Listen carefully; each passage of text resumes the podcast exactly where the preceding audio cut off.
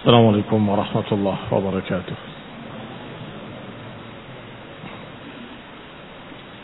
إن الحمد لله نحمده ونستعينه ونستغفره ونعوذ بالله من شرور أنفسنا ومن سيئات أعمالنا من يهده الله فلا مضل له ومن يضلل فلا هادي له وأشهد أن لا إله إلا الله وحده لا شريك له وأشهد أن محمدا عبده ورسوله صلى الله عليه وعلى آله وأصحابه والتابعين وتابع التابعين ومن تبعهم بإحسان إلى يوم الدين. يا أيها الذين آمنوا اتقوا الله حق تقاته ولا تموتن إلا وأنتم مسلمون.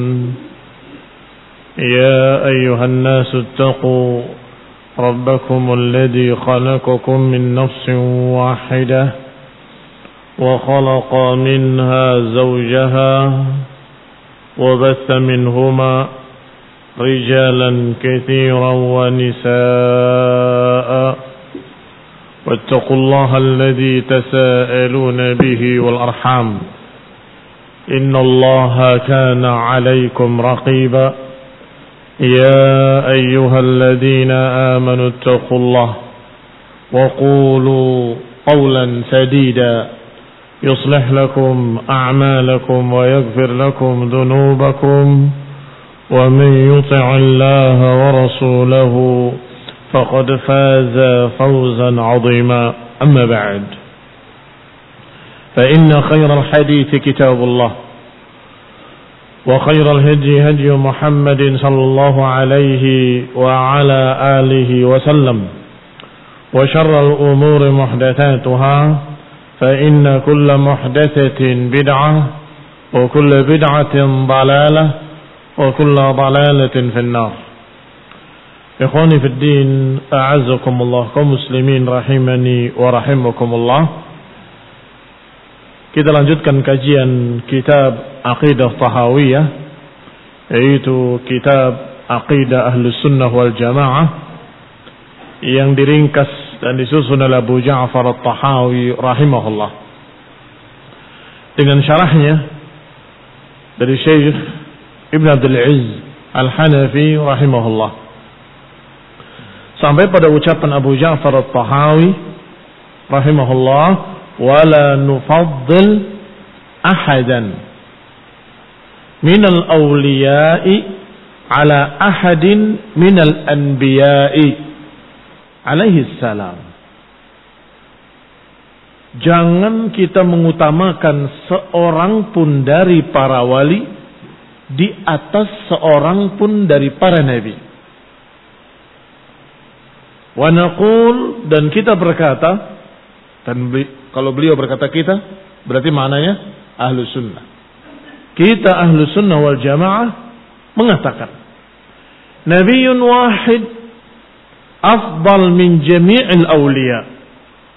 Satu nabi afdal lebih utama di atas seluruh para wali. Maka dalam masalah aulia, dalam masalah keutamaan para wali, jangan ifrat, jangan tafrid. Jangan ekstrim ke kanan, jangan ekstrim ke kiri. Ekstrim ke kanan berlebihan, melampaui batas, mengangkat aulia, mengangkat para wali, memuliakan akhirnya kebablasan. Diangkat lebih utama dari para anbiya, dari para rasul. Sehingga mereka mengatakan bahwasanya para aulia atau para nabi, para rasul mendapatkan ilmu dari Jibril dari Allah Subhanahu wa taala. Adapun para aulia, para wali, dia mendapatkan langsung dari sumbernya.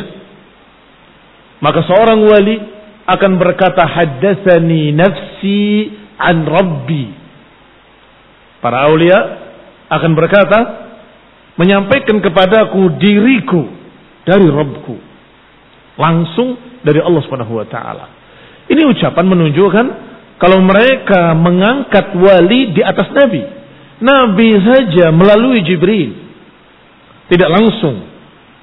Kecuali beberapa kalimat ketika Rasulullah SAW langsung menghadap Allah pada Mi'raj atau pada Isra dan Mi'raj.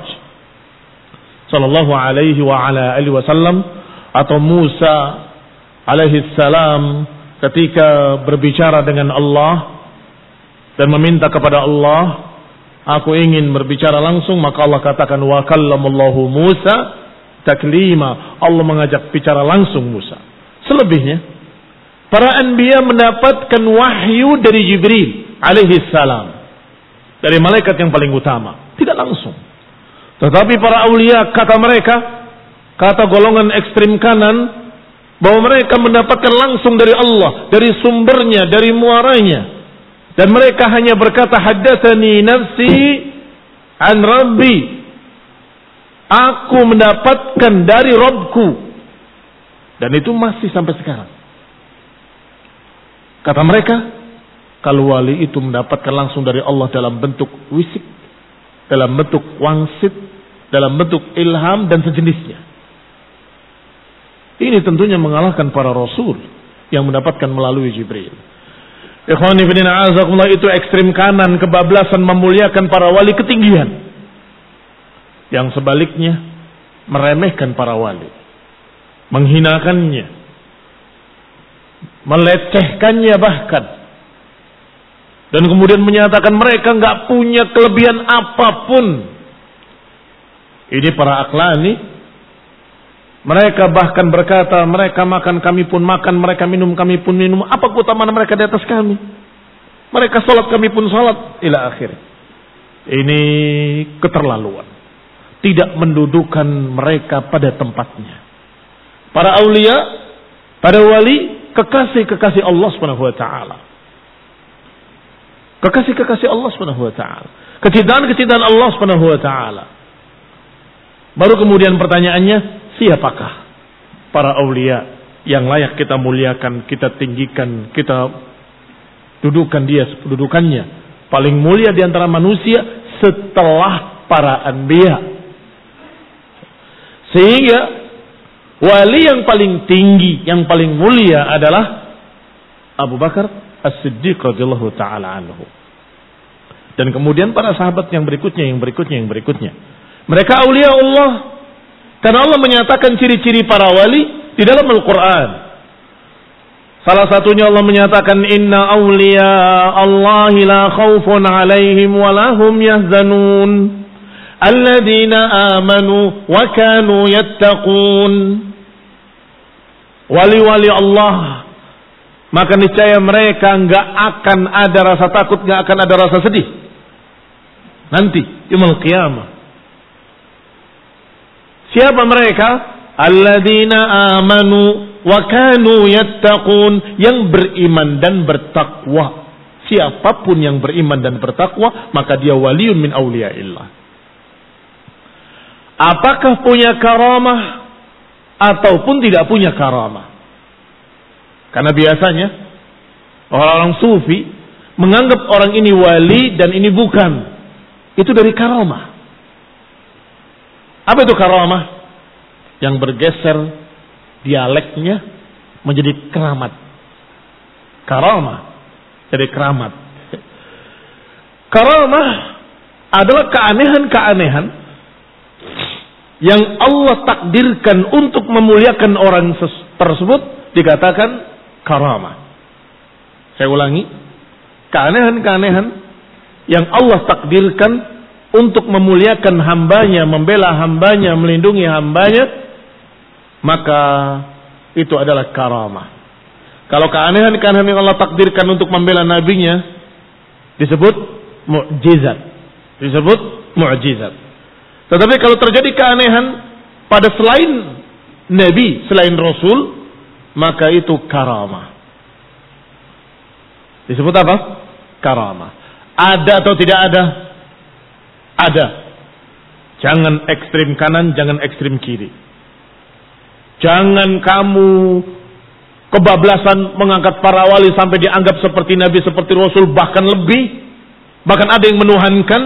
Astagfirullah. Ini ekstrim. Jangan pula meremehkan mereka, melecehkan mereka sampai menghindari dan tidak mau percaya adanya karamah. Tidak ada karamah-karamah itu. Kalau tidak ada karamah,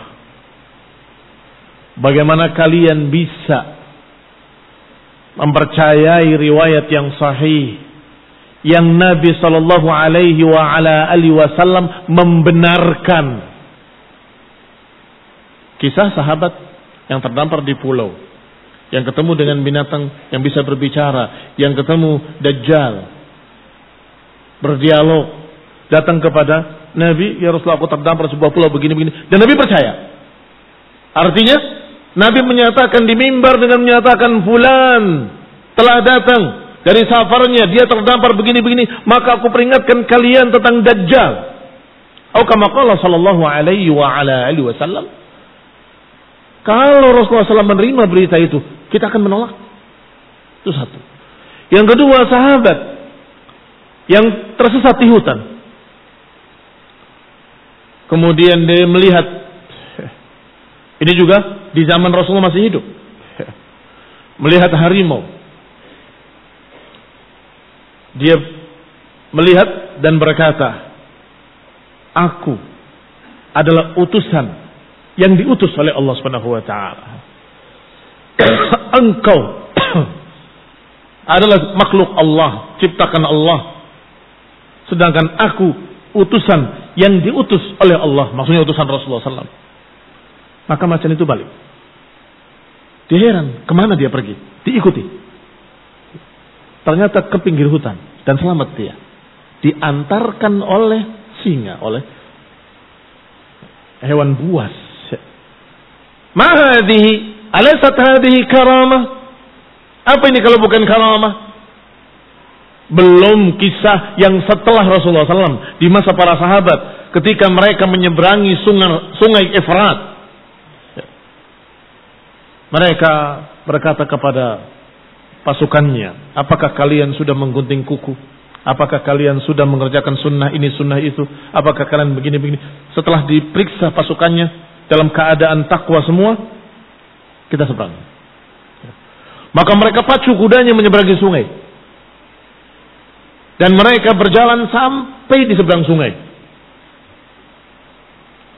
Dan ternyata sungai itu tidak dangkal, dalam. Berarti kuda-kuda mereka berjalan di atas air. Fahadihi karamah. Ini karamah. Demikian pula kisah yang terjadi kepada para ulama seperti Imam Ahmad rahimahullah yang sedang dicambuk, dicambuk, dicambuk.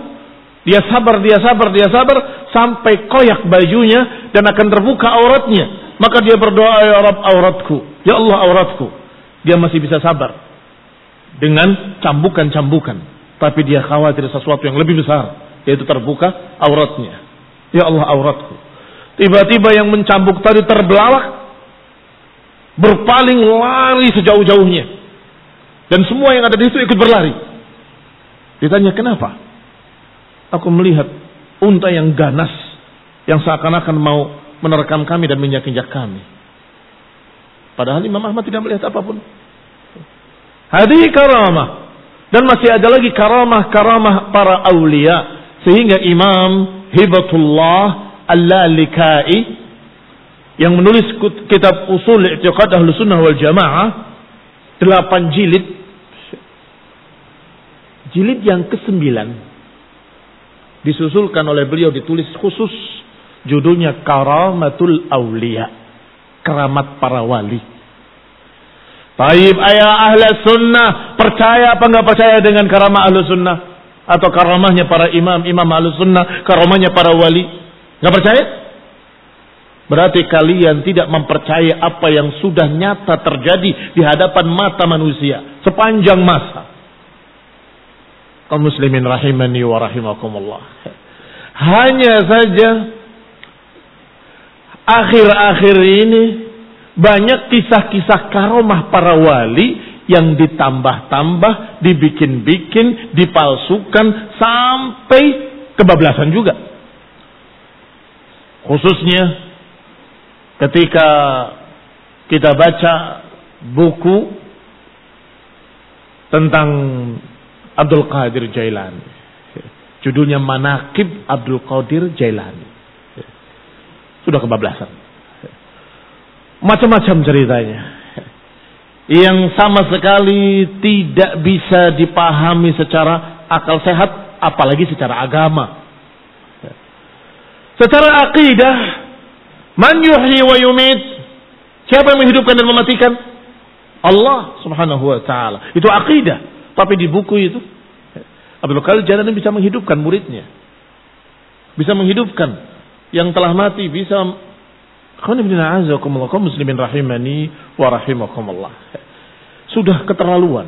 Ya, makan ayam, tulangnya dibuang, hidup lagi tulangnya jadi ayam lagi. Itu ada di situ. Dan juga ketika suatu hari dia mengajar, ada satu murid yang nggak hadir. Mana si fulan? Meninggal kemarin. Meninggal. Cengkel dia. Sama siapa cengkelnya? Sama malaikat Israel. Ini udah keanehan. Mengapa? Bertentangan dengan akidah. Kalau seorang mukmin ulama, apalagi Syekh Abdul Qadir Al-Jailani, sahibul kitab Al-Ghunniyah, dia punya kitab, kitab Ahlu Sunnah. Rahimahullah wa ghafarallahu lahu. Enggak mungkin kemudian tidak terima dengan takdir. Mungkinkah marah dengan takdir? Tidak mungkin. Seorang mukmin taqi, seorang yang beriman dan bertakwa akan terima dengan takdir. Maka akan menyatakan qaddar Allah atau qadarullah wa ma syaa fa'al inna lillahi wa inna ilaihi rajiun. Kan begitu? Bukan marah terbang mengejar Israel. Kemudian menyatakan kenapa kau matikan muridku? Aku diperintah oleh Allah. Kenapa engkau tidak izin kepadaku akhirnya terjadi keributan antara malaikat pencabut nyawa dengan Abdul Qadir Jalani di langit sana tarik-tarikan tumpah keranjang yang membawa arwah yang telah dicabut. Tumpah, maka semua yang mati pada hari itu hidup kembali. Apakah ini karamah? Hadhihi takhayyul wa khurafah. Bukan karamah. Takhayyul wal khurafah. Taib yang kedua, tercampurnya antara karamah dengan sihir. Sebagaimana beberapa pondok pesantren karena ingin menjadikan muridnya sebagai wali-wali Allah, diajari karomah. Karena mereka berpikir yang namanya wali itu harus punya karomah. Kalau nggak punya karomah bukan wali. Salah. Wali itu harus punya dua, aman wa taqaw. Itu wali. Inna awliya Allah la khawfun alaihim wa lahum yahzanun. Apa kata Allah? Alladzina amanu wa kanu yattaqun. Yang beriman dan bertakwa. Apakah punya karoma atau tidak punya karoma? Apakah dapat karoma atau tidak dapat karoma? Tetapi mereka melatih supaya punya karoma. Ternyata dilatih sihir. Untuk semedi di kuburan, untuk puasa mati geni, puasa mutih, untuk begini syarat, syarat, syarat, syarat, syarat, syarat. Dan sebagian syaratnya bertentangan dengan syariat. Sebagian syaratnya bertentangan dengan syariat. Beberapa orang yang pernah saya temui karena dia santri waktu itu dan sering kesurupan, saya tanya, kamu belajar apa? Saya belajar ilmu putih, katanya. Apa itu ilmu putih? Kalau ilmu hitam itu yang jahat. Ilmu putih yang baik. Belajar karomah. Mana coba? Caranya bagaimana? Di bawah buku catatannya dia. Buku tulis sudah lecek. Isinya dikir-dikir. Zikir semua. Tasbih, takbir. Saya periksa ini sekian puluh ribu kali, ini sekian puluh ribu kali, ini sekian ratus kali. Sampai pada lembaran berikutnya, apa ini? Kepada Mbah Fulan di gunung apa gitu. Ini minta sama siapa ini? Gua tahu saat disuruhnya begitu. Kamu tahu, zikir tadi semuanya yang merupakan takbir, tahmid, tahlil semuanya bagus itu runtuh dengan satu syirik ini. Hilang gak ada nilainya. Cuma kamuflase saja. Satu syirik ini menggugurkan semuanya. Lain asyrakta la yahbatana amaluk. Kalau engkau berbuat syirik akan gugur semua amalanmu. Kamu zikir sekian ribu kali hilang. Gak ada nilainya. Dengan aku meminta kepada Mbah Fulan, penunggu gunung ini, penunggu gunung. Itu sudah, sudah syirik. Jadi nggak ada. Ilmu sihir putih itu nggak ada. Semuanya hitam dan semuanya syirik yang dikatakan dalam Al-Quran kufur.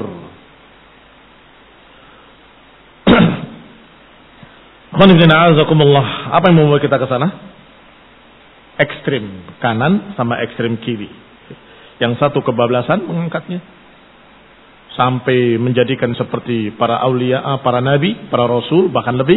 Yang satu lagi melecehkan, gak percaya dengan karomah. Gak percaya dengan para aulia. Gak percaya dengan keutamaan-keutamaan mereka Padahal Allah banyak memuliakan mereka dengan karomah-karomah. Sehingga kalau kamu mendapatkan riwayat atau kisah tentang karomah para aulia, kamu cukup jawab mungkin, gitu saja. Mengapa?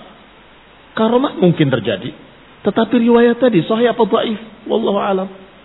Cerita-cerita karomah itu tidak seperti cerita-cerita hadis, ada sanadnya, ada rawi-rawinya, diperiksa detail mana yang sahih, mana yang baik. Sedangkan kisah-kisah para aulia hampir-hampir nggak ada yang pakai sanad. Katanya, konon ceritanya dan seterusnya. Maka kamu katakan, ya mungkin. Karena karomah memang ada. Benar, wallahu alam mungkin saja terjadi. Karena memang karomah memang ada. Barakallahu fikum. Baru kalau ternyata riwayatnya benar-benar sahih. Apalagi diriwayatkan seperti kisah tadi para sahabat. Ada riwayatnya, ada sanatnya dan sahih. Apa lagi? Tinggal kita katakan Qaddar Allah. Allah menakdirkan apa pun yang dikehendakinya bisa. Nah, hanya saja perbedaannya dengan mukjizat. Kalau mukjizat yatahadda biha tetapi kalau karamah sahibuha la yatahadda biha. Ini perbedaannya. Kalau mukjizat yang Allah berikan pada para rasul, orangnya bisa menantang. Yani para rasul bisa menantang. Silakan, kamu lemparkan tali, tali temalimu. Aku lemparkan tongkatku. Bisa. Aku punya ini. Lihat tanganku, kata Musa putih bersinar bercahaya. Lihat tongkatku ini bisa. Ya. Kalau karomah tidak bisa. Kalau disuruh mengulangi wahai Imam Ahmad, coba keluarkan ilmumu yang tadi. Unta yang ganas tadi, coba keluarkan lagi. Tidak bisa. Dia datang sendiri oleh Allah Taala ditakdirkan dan nggak bisa direncanakan. Datang dengan tiba-tiba. Demikian pula kepada mereka. Coba sekali lagi, saya mau lihat kudanya berjalan di atas air. Ya nggak bisa. Kecuali kalau suatu saat diperlukan dan Allah takdirkan terjadi, terjadi. Allah takdirkan keunikan-keunikan, keanehan-keanehan tersebut untuk membelanya, untuk memuliakannya, titik. Tapi dianya tidak bisa ya tahadda, nggak bisa menantang dengan apa yang dia punya. Adapun para tukang-tukang sihir tadi yang katanya punya karomah, bisa main bola dengan api, bisa apalagi segala macam yang mereka tontonkan. Ini karomah, bukan sihir, bukan karomah. Karomah datang dengan tiba-tiba dan tidak bisa diulangi kalau tidak ditakdirkan oleh Allah, tidak bisa. Kalau direncanakan, apalagi dipertontonkan, jelas itu sihir. Itu baru dohirnya saja. Kalau diteliti lebih dalam, bahkan syarat-syaratnya pun tidak syar'i. Semedi di kuburan tidak syar'i membaca berbagai macam mantra-mantra juga bukan syar'i. Kecuali apa yang dibacakan berupa ayat-ayat Al-Quran dalam bentuk ruqyah. Dan itu semua bisa. Meruqyah. Allah takdirkan sembuh ya sembuh. Allah takdirkan tidak sembuh ya tidak sembuh. Oleh karena itulah Imam Abu Ja'far At-Tahawi mengingatkan La ahadan min minal awliya ala ahadin minal anbiya. Jangan memuliakan seorang pun dari para wali di atas para nabi. Jangan. Karena satu orang nabi sudah mengalahkan seluruh para wali. Satu orang rasul, nabi, mengalahkan para wali. Qala Kita lanjutkan pada paragraf yang kedua. Paragraf yang pertama sudah kita baca kemarin. Qala Abu Uthman An-Nisaburi. Berkata Abu Uthman An-Nisaburi. Man amara sunnah ala nafsihi qawlan wa fi'lan wa nataqa bil hikmah nataqa bil hikmah enggak pakai waw wa man amara al hawa ala nafsihi nataqa bil bid'ah. Bagaimana mengukur seorang itu dikatakan wali atau bukan wali? Bukan dengan karomah. Bukan dengan keanehan-keanehannya. Bukan. Apa kata Imam Syafi'i rahimahullah? La tusaddiqhum walau yusalluna alal ma. Jangan percaya mereka. Walaupun mereka bisa sholat di atas air. Hatta yutabbiqus sunnah sampai mencocoki sunnah. Ini yang berbicara seperti ini Imam Syafi'i rahimahullah. Dinukil oleh siapa? Oleh Syekhul Islam Ibnu Taimiyah rahimahullah. Kata Syekhul Islam dan aku berkata, jangan percaya pada mereka walaupun bisa sholat di atas air dan terbang di langit. Jangan percaya. Sampai mencocoki sunnah. Ada seorang yang pernah belajar sifat salat Nabi setelah beliau merasa bahwa nggak ngerti apa-apa terhadap agama ini, padahal jebolan pondok pesantren di Madura. Jebolan pondok pesantren. Tapi setelah tak belajar akidah tauhid, dia merasa saya sekarang seakan-akan nggak ngerti apa-apa terhadap agama ini. Nol. Saya mau belajar ulang. Belajar lagi tauhid, belajar lagi fikih, sifat salat Nabi dan seterusnya. Dia cerita tentang masalah ini.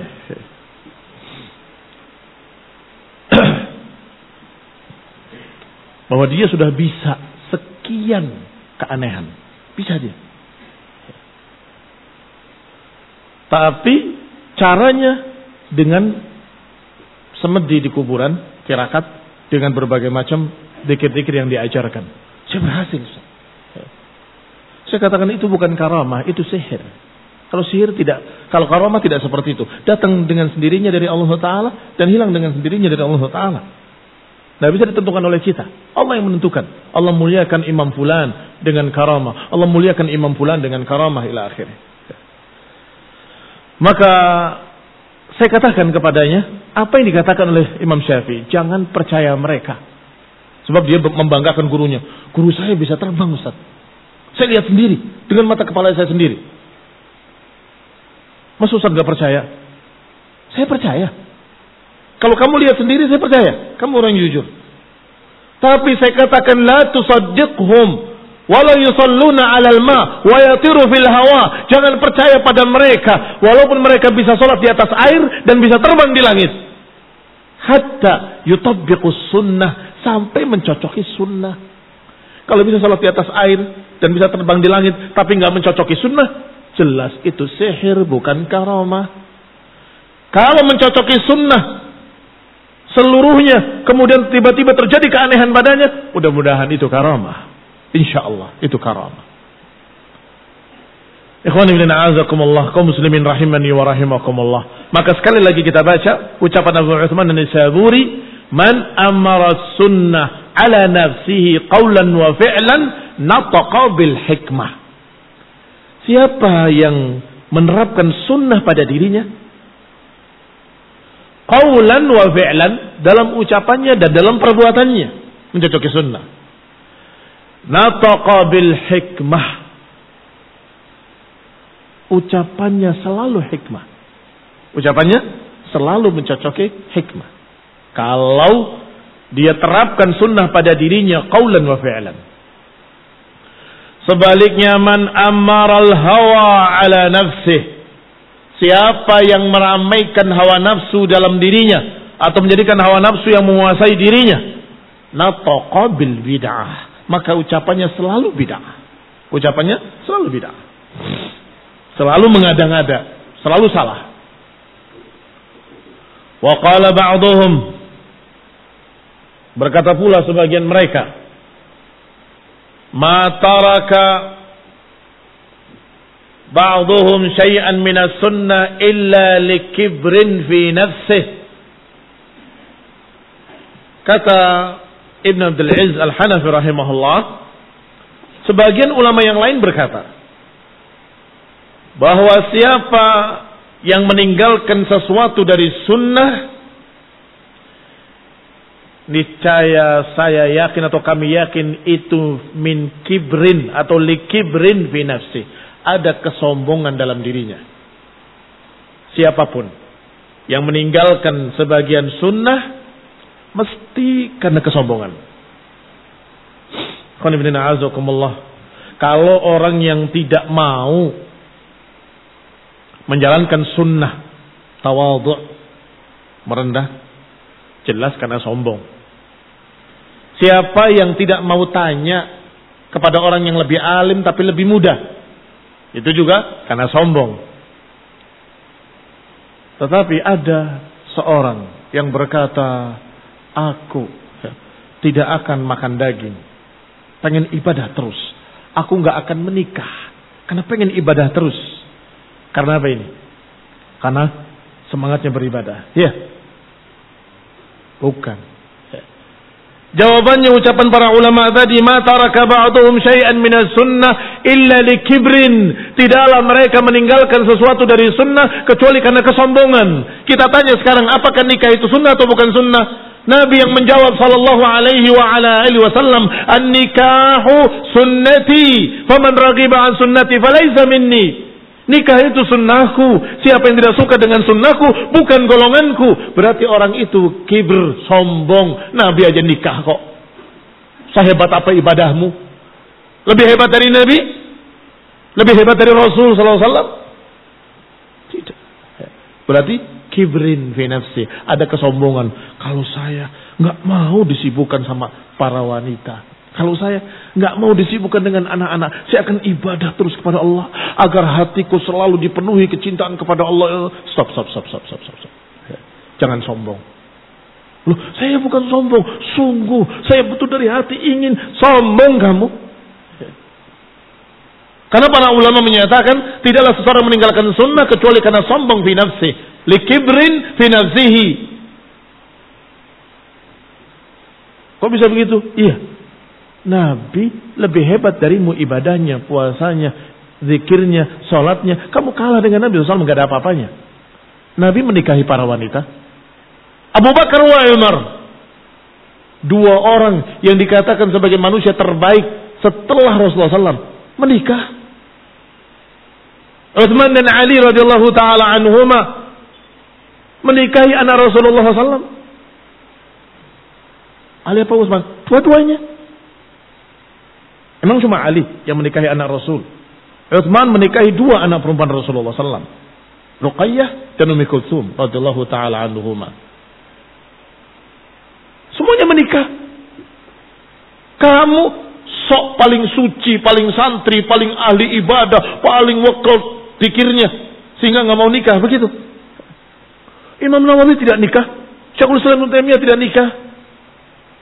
Bukan tidak mau menikah, nggak sempat menikah. Tanyakan apakah ada ucapan Imam Nawawi ucapan Imam Syekhul Islam Ibnu Taimiyah? Apa ada ucapan mereka? Aku tidak mau menikah. Tidak ada. Adanya qala Rasulullah sallam. Ya ma'syara syabab man istata'a minkumul ba'ata falyatazawwad. Ada. Tetapi Imam Nawawi rahimahullah meninggal dalam keadaan masih muda. Beliau baca kitab mencari, membahas, mencari membahas permasalahan yang sedang dicari oleh beliau dengan sungguh-sungguh dengan serius. Semalam suntuk ditemani dengan korma rutab. Terus makan korma makan sampai pagi harinya jatuh dia sakit meninggal. Qila wallahu alam karena panasnya perut dia terlalu banyak makan rutab. Malam suntuk dia kaji. Belum sempat menikah. Syekhul Islam Ibn Taimiyah habis waktu beliau di penjara bagaimana mau nikah? Contohlah Rasulullah SAW. Aku atazawwajun nisa kata Nabi. Aku mengawini para wanita. Faman raghiba an sunnati falaysa minni. Rahimahumullah. Semoga Allah merahmati dan mengampuni Syekhul Islam dan Imam Nawawi. Bukan tidak mau nikah. Belum sempat nikah. Karena kesibukan mereka dalam masalah ilmu dan ibadah. Bahkan di penjara, di penjara, di penjara. Keluar sebentar, mimpin perang. Setelah perang menang, masukkan lagi penjara. Oleh penguasa. Bolimnya penguasa. Ini nggak akan ada yang bisa membuat semangat jihad kecuali Syekhul Islam. Diambil dari penjara.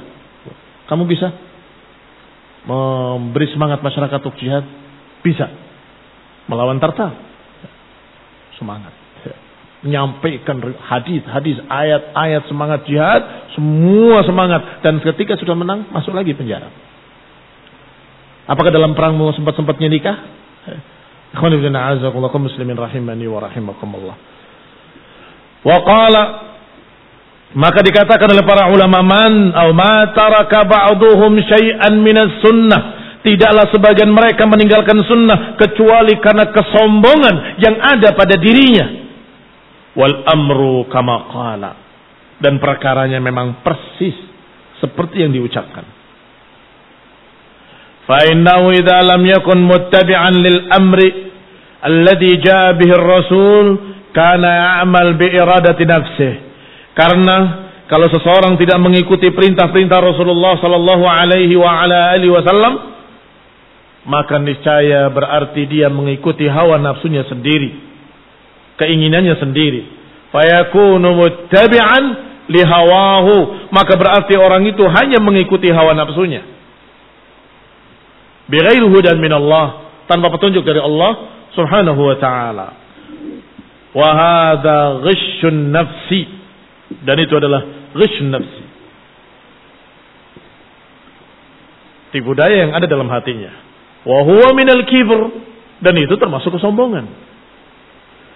فإنه شبيه بقول الذين قالوا Artinya kesombongan itu dari jenis yang mirip seperti apa yang diucapkan oleh orang-orang kafir kepada para rasul. Lan nu'mina hatta yu'ta mithla ma utiya Rasulullah. Allahu a'lamu haitsu yaj'alu risalatah. Mereka berkata, "Lan nu'mina hatta kami nggak akan percaya sampai kami diberi seperti apa yang diberikan oleh kepada Rasulullah SAW." Maka Allah jawab, Allah yang lebih tahu siapa yang pantas untuk diberikan risalah kerasulan. Aku nggak akan percaya kecuali kalau aku diberi seperti Rasul. Rasul dapat wahyu, saya juga dapat wahyu harusnya. Saya percaya. Kata Allah, Allahu a'lamu haitsu yaj'alu risalata. Allah lebih tahu kepada siapa Allah berikan risalah kerasulan. Allah lebih tahu kepada siapa diberikan risalah kerasulan. Alasan mereka pun sama, saya nggak mau mengerjakan sunnah ini karena saya ini begini, saya ini begitu, saya ini begini. Siapa kamu? Loh saya ini ibadahnya sangat banyak. Banyak mana dengan Rasulullah? Tapi saya ini sudah. Jangan diteruskan. Semakin beralasan semakin banyak dosa. Ini sunnah. Sunnah itu bagus. Kerjakan. Wa tasfiyatu nafsihi ila ma wasalat ilaihi al-anbiya min ghairi ittiba' li tariqatihim. Katsirun min haula'i. Kebanyakan dari mereka yadhunnu annahu yasil biriyasatihi wa ijtihadihi fil ibadah tasfiyat nafsi. Sebagian mereka menduga mengira menyangka bahwa diri mereka dengan banyaknya ibadah dengan banyaknya zikir dengan ijtihad ijtihad dalam ibadah bersungguh-sungguh dalam ibadah bisa membersihkan diri dirinya sampai derajatnya menyamai derajat Rasul. GR, kederasa, rujum, bangga diri, Bos saya orang yang paling suci, paling bersih. Tiba-tiba terdengar suara membisik di telinganya. Kamu harus begini. Karena dia memuji dirinya, wah karena saya orang soleh, karena saya orang yang paling suci, paling bersih, saya ibadah terus selama ini. Jangan-jangan ini dari Allah. Wah, saya dapat dari Allah SWT ilham. Ngelamun kamu. Ya. Kamu kira engkau seperti Rasul dapat wahyu. Kamu kira engkau seperti Nabi mendapatkan dari Jibril bisikan-bisikan dari Allah wahyu. Jangan GR. Mana? Kibr oleh sabi kibr. Sombong. Itu sombong. Semua yang mengatakan saya dapat wisik, saya dapat wangsit, saya dapat ini dari Tuhan, dari Allah. Udah itu GR. Kamu merasa kau paling suci sehingga dapat wahyu dari Allah SWT. Kamu merasa seperti Nabi sucinya sehingga dapat wahyu. Sudah nggak ada Rasul sekarang ini. Sudah nggak ada Nabi, maka tidak akan ada lagi orang yang dapat wahyu. Tidak ada. Wahyu sudah tertutup atau sudah selesai dengan akhir surat atau akhir ayat dalam Al-Quran. Al-yawma akmaltu. Hari ini kata Allah, aku sudah sempurnakan. Maka tidak mungkin ada lagi wahyu, apalagi bertentangan dengan Al-Quran. Tak mungkin. Mustahil. Al-Quran dan hadis menyatakan ya amuru masajid Allah. Siapa yang meramaikan masjid Allah man amana billah yang beriman pada Allah. Nabi juga menyatakan hendaklah sujud bersama orang yang sujud hendaklah salat di masjid. Aku ingin membakar orang yang tidak pergi ke masjid. Bahkan Al-Quran mengatakan warka'u ma'arrakin. Rukulah bersama orang yang ruku. Apa maknanya? Disuruh untuk berjamaah ke masjid. Allah sebutkan masjid. Wangsitnya mengatakan suruh berdiam di kuburan selama 40 hari 40 malam. Bertentangan apa enggak bertentangan? Bertentangan. Dia enggak ke masjid. Dia tidak warka'u ma'arraki'in. Dia tidak akifuna fil masajid. Tidak etikaf di masjid, etikaf di kuburan-kuburan. Alasannya, saya dapat wahyu dari Allah. Tahu dari mana kalau itu dari Allah? Dari jin, dari syaitan. Kau tahu dari syaitan? Kalau saya punya bukti. Kamu gak punya bukti. Kamu bilang dari Allah apa buktinya? Tidak ada. Bahkan kami punya bukti, wahyu sudah terputus. Tidak ada lagi Nabi setelah Rasulullah SAW. Kalau kami mengatakan itu syaitan, punya bukti yang menentang Al-Quran syaitan. Wangsit tadi menentang. Disuruh sholat ke masjid lima waktu, dia disuruh tetap dihitung 40 hari 40 malam. Bertentangan. Siapa yang menghalangi orang meramaikan masjid? Ya setan. Siapa lagi? Mungkin setan dalam bentuk jin. Tiba-tiba bisa mengeluarkan suara-suara atau setan dalam bentuk manusia. Ayo kita kerjain. Ya. Orang lagi semedi di kuburan dikerjain malam-malam. Hei kamu yang duduk di sana, kamu sudah jadi waliullah. Hendaklah kamu lebih lama lagi untuk di sini setahun penuh. Dikerjain sama anak-anak kemarin. Anak-anak muda. Ini khulibina ya setan juga. Setan dalam bentuk jin ataupun setan dalam manusia, dalam bentuk manusia, dua-duanya setan. Kalau mengajak untuk bertentangan dengan Quran dan Sunnah. Qala dikatakan selanjutnya wa katsirun min haula'i yadhunnu annahu yasil bi ri'asati wa ijtihadihi fil ibadah tasfiyata nafsihi ila ma wasalat ilaihi al-anbiya. Kebanyakan mereka menduga dengan rajinnya mereka berzikir, bersungguh-sungguhnya berzikir, banyaknya ibadah, mereka merasa sudah suci seperti sucinya para nabi. Min ghairi tiba' li tariqatihim dan tidak mungkin bisa atau dikatakan sudah bisa mencapai derajat nabi tanpa mengikuti caranya nabi. Min ghairi ittiba' li tariqatihim tanpa mengikuti caranya nabi. Tak mungkin. Wa minhum man yadhunnu annahu qad sara afdal minal anbiya. Sebagian yang lain berkata atau menduga bahwa diri mereka sudah lebih hebat dari para nabi. Sudah lebih hebat dari para nabi. Mengapa? Merasa sudah menyatu dengan Allah Subhanahu wa taala. Wa minhum man yaqulu innal anbiya'a war rusula innama yakhuduna al-ilm billahi min mishkati khatimil awliya. Di antara mereka ada yang berkata, sesungguhnya para anbiya dan para rasul mengambil ilmu dari Allah min miskati khatimil awliya dari sumbernya para wali. Wa yadai nafsi anahu khatimul awliya dan mengaku bahwa mereka adalah penutup para wali. Yang saya baca dalam kitab Syekhul Islam secara langsung kalimatnya bahwa para anbiya mengambil ilmu dari Jibril, dari Allah. Sedangkan di antara kami, maksudnya para wali, di antara kami para wali, ada yang mengambil dari miskat, dari sumbernya yang ada di sisi Allah Subhanahu wa taala. Jadi wali langsung. Para anbiya tidak langsung.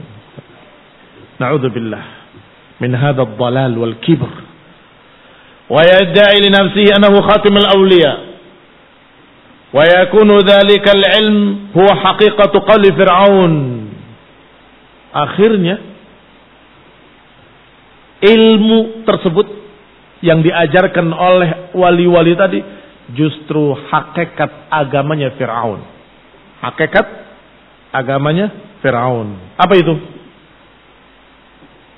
Hah? Fir'aun Ajarannya adalah ana rabbukumul a'la. Itu ucapan Firaun. Mana kala Firaun? Ana rabbukumul a'la. Aku Rabb kalian yang paling tinggi. Baik, apa ucapannya para wali-wali tadi? Tanam tanda petik ya, bukan wali yang benar. Wali-wali syaitan. Apa yang dikatakan oleh mereka kaum sufi yang sudah terjerumus dalam wahdatul wujud? Tahu ucapan mereka? Aku adalah Allah. Sama gak dengan Fir'aun? Sama gak dengan Fir'aun? Sama persis 100%. Gak ada bedanya. Cuma Fir'aun tidak ngaku wali. Mereka ngaku wali. Ucapannya sama. Masih ada dalam hati seseorang yang berkata, apa ya ada orang yang sampai sesat itu? Lo ada. Bahkan ditokohkan sebagai toko besar di Yaman sana. Suka datang ke Indonesia. Itu dia mengatakan di hadapan ummah, bukan di hadapan satu dua orang. Di hadapan ummah. Ana akhluqul arsh. Ana arfa'us sama bighairi amadin tarawnaha. Aku yang menciptakan arsh. Aku yang mengangkat langit tanpa tiang. Aku yang menghamparkan bumi. Aku yang ila akhir. Yang herannya, pengikut yang hadir sekian banyaknya, semuanya menyatakan selamat, selamat. Bahasa kitanya, bahasa mereka nya break, break. Selamat, selamat. Mengapa? Karena mereka menurut keyakinan sesat mereka, ucapan itu ucapan Allah bukan ucapan dia. Allah sudah merasuk di hati si tokoh ini. Sehingga ketika berbicara itu ucapan Allah. Ya wajar. Ucapan Allah menyatakan, aku menciptakan langit dan bumi, aku mengangkat langit tanpa tiang, aku yang menciptakan arus, aku yang menghamparkan bumi. Wajar. Karena itu ucapan Allah. Artinya, guru kita ini, Habib kita ini sudah mencapai derajat manunggaling Gusti Kaulo. Derajat yang tertinggi dari derajat kewalian adalah menyatu dengan Allah. Karena menyatu dengan Allah, akhirnya ngomongnya kayak gitu. Tinggi mana kewalian dia dengan kerasulan Nabi Muhammad wasallam? Jawab. Kalau kamu jawab lebih tinggi wali, kamu kafir. Karena menganggap ada yang lebih mulia daripada Rasulullah, ada yang lebih tinggi daripada Rasulullah. Kalau kamu masih punya iman, pasti akan menjawab, ya tentu Rasul lebih tinggi. Kalau menjawab dengan jawaban seorang yang punya iman, Rasulullah tentunya lebih tinggi. Maka saya tanya pertanyaan kedua. Apakah Rasulullah SAW pernah berkata, Ana Rabbukumul A'la? Apakah pernah berkata, Ana akhluqul arsh? Apakah Rasulullah SAW pernah berkata bahwa akulah yang mengangkat langit tanpa tiang, yang menghamparkan bumi, yang menciptakan gunung-gunung? Pernah? Jawab. Kalau dia mengatakan pernah, maka dia dituntut untuk bukti dan gak akan bisa mendatangkan riwayat satupun. Kalau sebaliknya naam, sebaliknya maksudnya Rasul melarang, jangan menyatakan seperti itu, ucapan kufur. Ucapan itu terekam. Disampaikan kepada para ulama, bagaimana pendapatmu ya ulama, ya sadatul ulama, orang yang menyatakan seperti ini, anak akhlukul ars, anak gini, kafir. Kafir. Dan barakallahu fikum. Bukan baru terjadi sekarang. Imam Ibn Abdul Aziz Al-Hanafi dalam syarah akidah Tahawiyah sudah berkata bahwa itu pernah terjadi dan sudah pernah terjadi. Lihat dikatakan di sini bahwa ucapan mereka inti dari ajaran Fir'aun. Karena Fir'aun yang mengatakan ana rabbukumul a'la. Fir'aun yang berkata ana rabbukumul a'la. Wa huwa anna hadzal wujudul mashhud. Wajibun binafsihi laysa lahu sani'un mubayyin lahu walakin hadha yaqul huwa Allah. Lihat ikhwan ibn a'azakumullah. Mereka Fir'aun masih berkata bahwa alam semesta ini yang disaksikan ini laisa lahu sani' tidak punya pencipta. Mubayin lahu tapi akulah Rob kalian. Adapun orang-orang ini aliran Wahdatul Wujud yaqul huwa Allah mengatakan bahwa dirinya lah Allah wa fir'aun azhar al-inkar bil kulliyah adapun Firaun mengingkari keberadaan Allah secara keseluruhan maksudnya secara keseluruhan, dia menyatakan akulah penguasa kalian, gak ada penguasa lain. Ada Rabbukumul A'la maknanya akulah penguasa kalian yang paling tinggi. Adapun Allah tidak ada. Begitu. Itu makna yang diucapkan oleh Firaun. Sampai dia berkata, "Ya Haman, ibni sarhan, bangunlah pencakar langit yang sangat tinggi. La'alli ablughal asbab, barangkali aku bisa mencapai pintu langit." Untuk apa? Ini la adunnu kata Firaun anna Musa kadiba. Aku menduga bahwa Musa berdusta. Asbabus samawat. Maknanya bangun wahai Haman. Bangun yang sangat tinggi. Aku ingin mencapai pintu langit. Aku ingin melihat Tuhannya Musa. Karena aku yakin Musa berdusta. Pasti gak ada di atas. Sombongnya Fir'aun. Pencakar langitnya setinggi apa? Piramid. Gak ada apa-apanya dengan pencakar langit yang sekarang. Hah? Tapi sudah sombongnya bukan main. Bikin. Yang bisa mencapai langit. Aku mau lihat Tuhannya Musa. Inilah atunnuhu kadiba. Aku menduga dia berdusta. Artinya Fir'aun menganggap tidak ada Allah, tidak ada Tuhan. Dan dialah penguasa mereka semuanya. Yang paling tinggi. Gak ada lagi yang lebih tinggi. Itu kesombongan Firaun. Itu kufur. Tapi lebih parah mana dengan yang berkata Allah ada yaitu saya. Hai Allah. Astagfirullahaladzim lebih parah dari Firaun. Lebih parah dari Firaun Fir'aun adhar al-inkar bil kulliyah. Fir'aun menampakkan pengingkarannya secara keseluruhan. Lakin karena Fir'aun fil batin a'rafa billahi minhum. Tetapi dalam hati Fir'aun, Fir'aun lebih tahu tentang Allah dari mereka, dari kaum sufi tadi. Mengapa? Hah? Yang bisa jawab? Fir'aun masih lebih berilmu sedikit.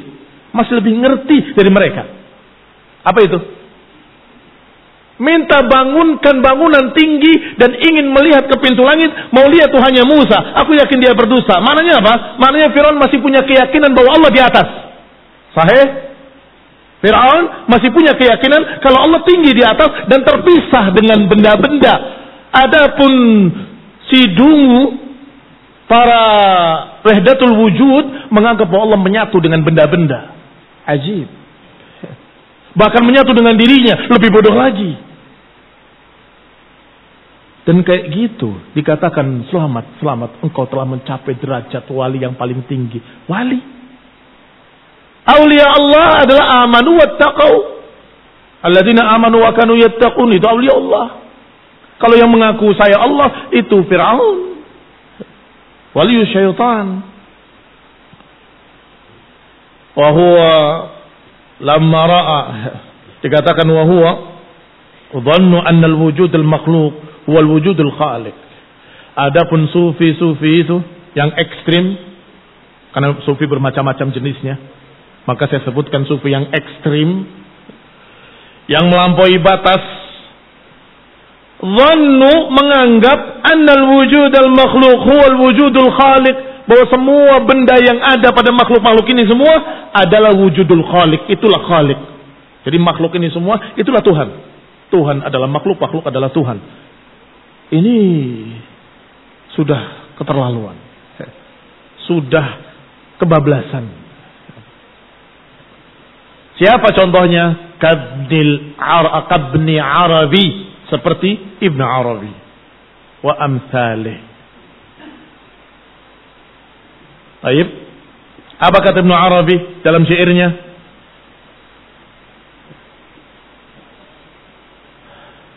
Sangat mengerikan. Tidaklah anjing dan babi kata dia kecuali Tuhan kami. Dan tidaklah Tuhan kami kecuali pendeta di gereja-gerejanya. Sehingga kalau ada sufi yang sejenis ini, kemudian dia memuji-muji pendeta, wajar. Karena dia menganggap pendeta juga bentuk wujud dari Tuhan. Gerejanya juga bentuk wujud dari Tuhan. Pembantai muslimin di rohinya juga bentuk wujud dari Tuhan. Semuanya Tuhan. Tuhan wujud dalam bentuk ini, Tuhan terbentuk dalam bentuk ini ila akhir. Na'udzubillah sampai ada yang berani berkata bahwa Tuhan sudah menyatu dengan sampah-sampah ini. Astagfirullah. Astagfirullah. Penghinaan yang sangat kepada Allah Subhanahu wa taala.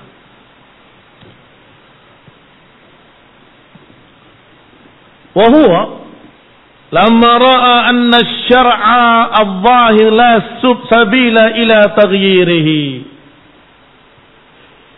Wahua ketika melihat bahwa syariat yang tampak ini tidak ada jalan untuk merubahnya.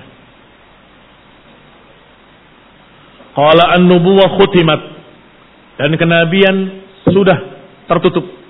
Tidak ada lagi nabi. Dan nabi terakhir adalah khatamun nabiyyin, tertutup para nabi atau penutup para nabi. Maka mereka cari jalan, gimana? Mau ngaku nabi, nabi sudah tertutup.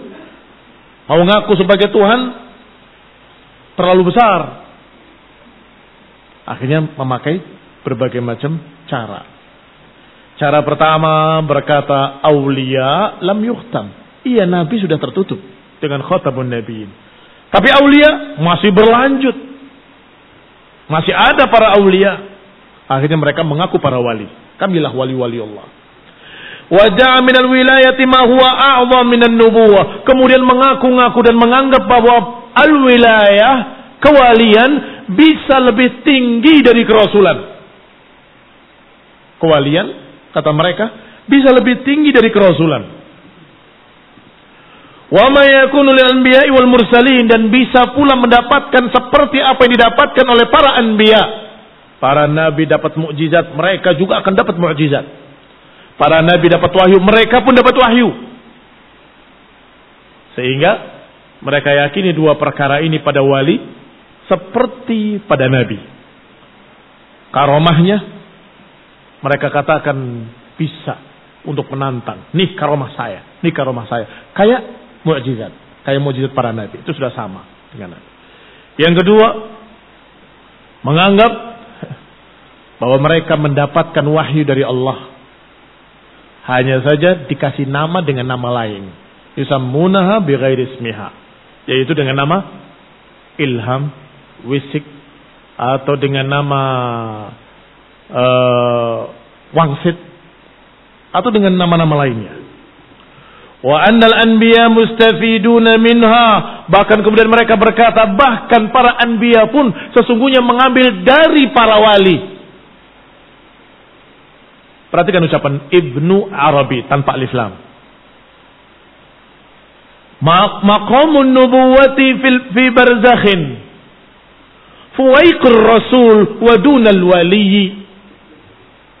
Perhatikan kalimat ini yang diambil dari kitab Ibnu Arabi yang dijuluki atau dinamakan dengan nama Futuhat Makkiyah.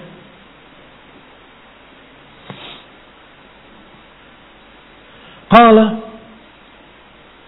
maqamun nubuwah kedudukan para nabi fi barzakhin di barzakh di alam barzakh fuwaikir rasul nabi ya Nabi di atas Rasul sedikit.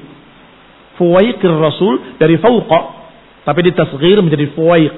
Fuwaikir Rasul. Di atas Rasul sedikit. Dunal wali tetapi di bawah wali.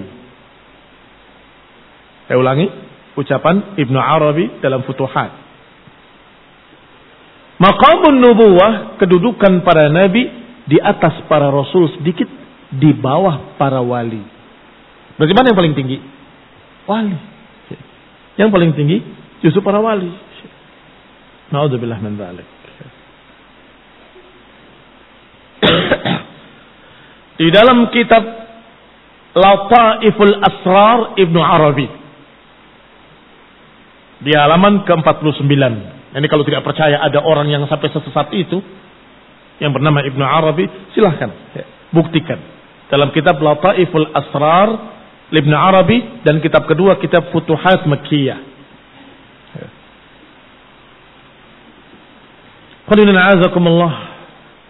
Dan kalau kalian tidak membacanya selamat.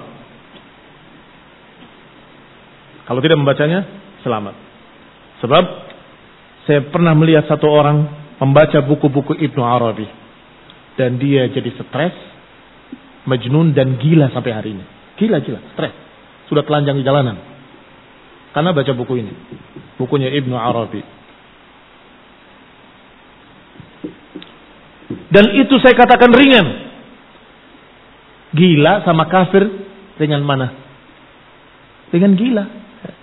Kalau gila rufi al-qalam. Ya, pena diangkat. nggak lagi dinilai. Tetapi kalau jadi kafir. Iya, saya Allah. Alhamdulillah. Kafir. Kekal dalam neraka selama-lamanya. Adapun yang majnun gila tadi. Rufi'at Al-kalam tidak dicatat lagi sudah setelah itu. Karena stres. Itu di antara penyebabnya adalah buku Ibnu Arabi. Nasallahu salam alaihi wal hidayah wa rahmah. Subhanakallahumma hamdik. أشهد أن لا إله إلا أنت أستغفرك وأتوب إليك والسلام عليكم ورحمة الله وبركاته.